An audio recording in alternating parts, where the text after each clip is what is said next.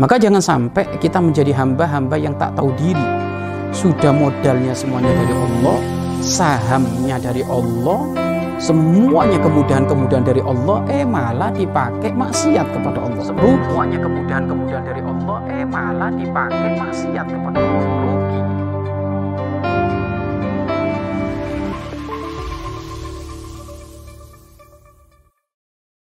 Bismillahirrahmanirrahim Assalamualaikum warahmatullahi wabarakatuh Alhamdulillah Alhamdulillahi rabbil alamin Wal akibatu lil muttaqin Wala udwana illa ala dhalimin Wa sallallahu wa sallama Ala sayyidil mursalin Habibi rabbil alamin Sayyidina wa maulana Muhammad Sallallahu alaihi wasallam Wa ala alihi wa ashabi Wa tabi'ina lahum bi ihsanin ila yaumiddin amma ba'd Pemirsa yang dimuliakan oleh Allah Subhanahu wa taala.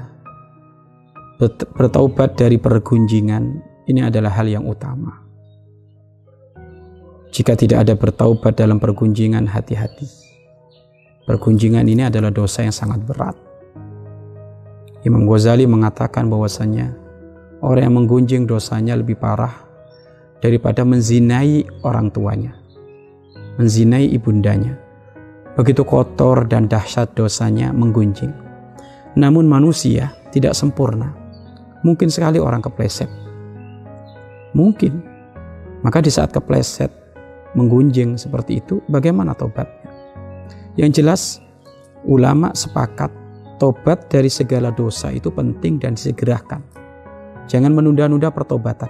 Disegerakan, disegerakan. Kenapa? Karena kita nggak tahu mati kapan. Satu jam yang akan datang mungkin sekali kita mati. Jangankan satu jam, lima menit yang akan datang bisa jadi kita mati. Maka ajilu taubah, bersegera. Kembali tobat kepada Allah Subhanahu wa taala. Kemudian tobat dari pergunjingan seperti apa Pak Ustaz? Kembalikan kepada apa yang sudah diajarkan oleh para ulama.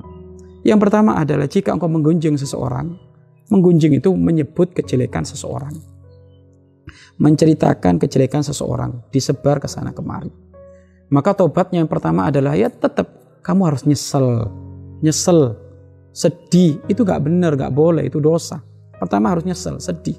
Bahkan kalau perlu kamu nangis, menyesal, karena kok mulutku ini kotor, mulutku ini jorok, mulutku ini jelek, kok suka ngomongin kejelekan orang. Emangnya kamu gak punya kejelekan?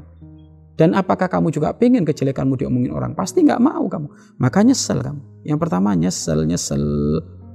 Setidaknya syarat bertobat untuk penggunjing ini setidaknya syaratnya ada lima. Yang pertama adalah nyesel, nyesel, wes nyesel, nyesel. Kemudian yang kedua adalah seketika itu berhenti dari perbuatan gunjing. Sudah cukup kamu gunjing satu orang itu sudah jadi ibroh, jangan diulang lagi karena dosanya nggak ketolong, dosanya begitu besar maka seketika itu berhenti dari pergunjingan. Jangan berhenti dari pergunjingan bagaimana? Jangan kumpul dengan orang-orang yang suka gunjing. Kalau ketemu dengan orang-orang yang suka gunjing, maka pergilah. Ini cara tobatnya. Ya, yang pertama nyesel, yang kedua berhenti dari pergunjingan seketika itu. Dan yang ketiga, jangan mengulangi lagi. Berusaha memaksakan dirinya, jangan mengulangi lagi. Terus sekuat tenaga.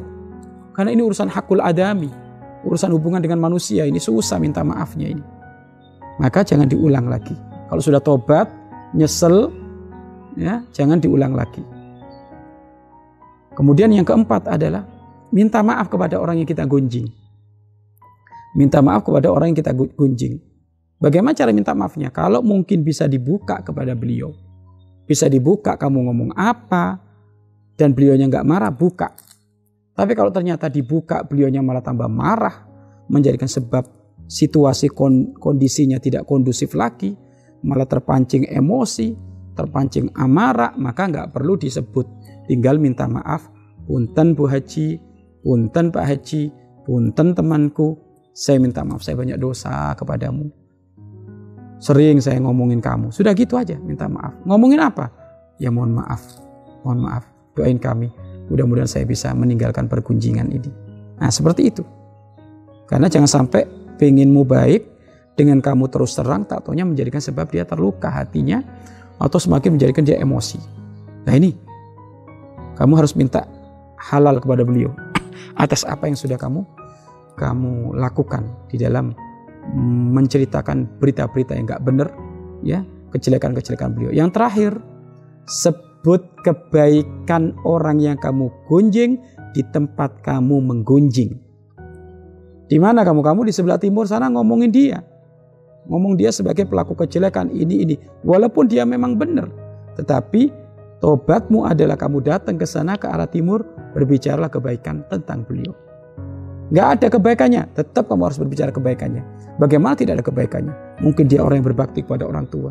Mungkin dia ahli infak sedekah. Mungkin dia ahli puasa Senin Kamis. Pokoknya di tempat kamu gonjeng, di situ kamu berbicara kebaikan beliau. Sehingga orang yang tadi kamu ajak untuk menggunjing otomatis langsung berubah cara pandangnya. Oh ternyata dia baik. Ternyata dia apa? Baik. Di mana lagi tempatnya kan? Kalau ternyata sehari engkau berpindah-pindah tempat sampai lima tempat dalam menggunjing orang, maka sehari itu pun kamu harus pindah-pindah tempat menyebut kebaikan beliau. Dan orang yang menggunjing ini tanda dirinya adalah hatinya jelek, hatinya kotor, hatinya deng, dengki maka hati kotor dengki jangan dirawat. Lah hati kotor dengki ini bisa kita pangkas dengan apa? Sering menyebut kebaikan beliau, orang yang kita kunjing. Sebut. Dan memang di zaman akhir seperti ini Masya Allah. Pergunjingan ini sudah wilayah lumrah. Di mana-mana bahkan. Kata Imam Ghazali, pergunjingan ini adalah, adalah fakihatul fukoha. Cemilannya orang-orang alim.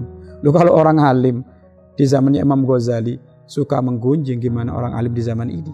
Dan gimana bagi orang yang gak alim, yang gak kenal ilmu. Hah? Sampai ada sekarang satu satu acara yang isinya gunjing terus. Tutup acara itu, tobatnya.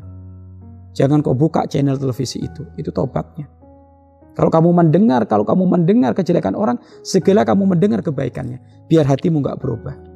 Biar hatimu gak berubah. Ketahuilah, di saat dirimu berbicara kejelekan orang, maka dirimu juga punya kejelekan yang akan dibicarakan orang.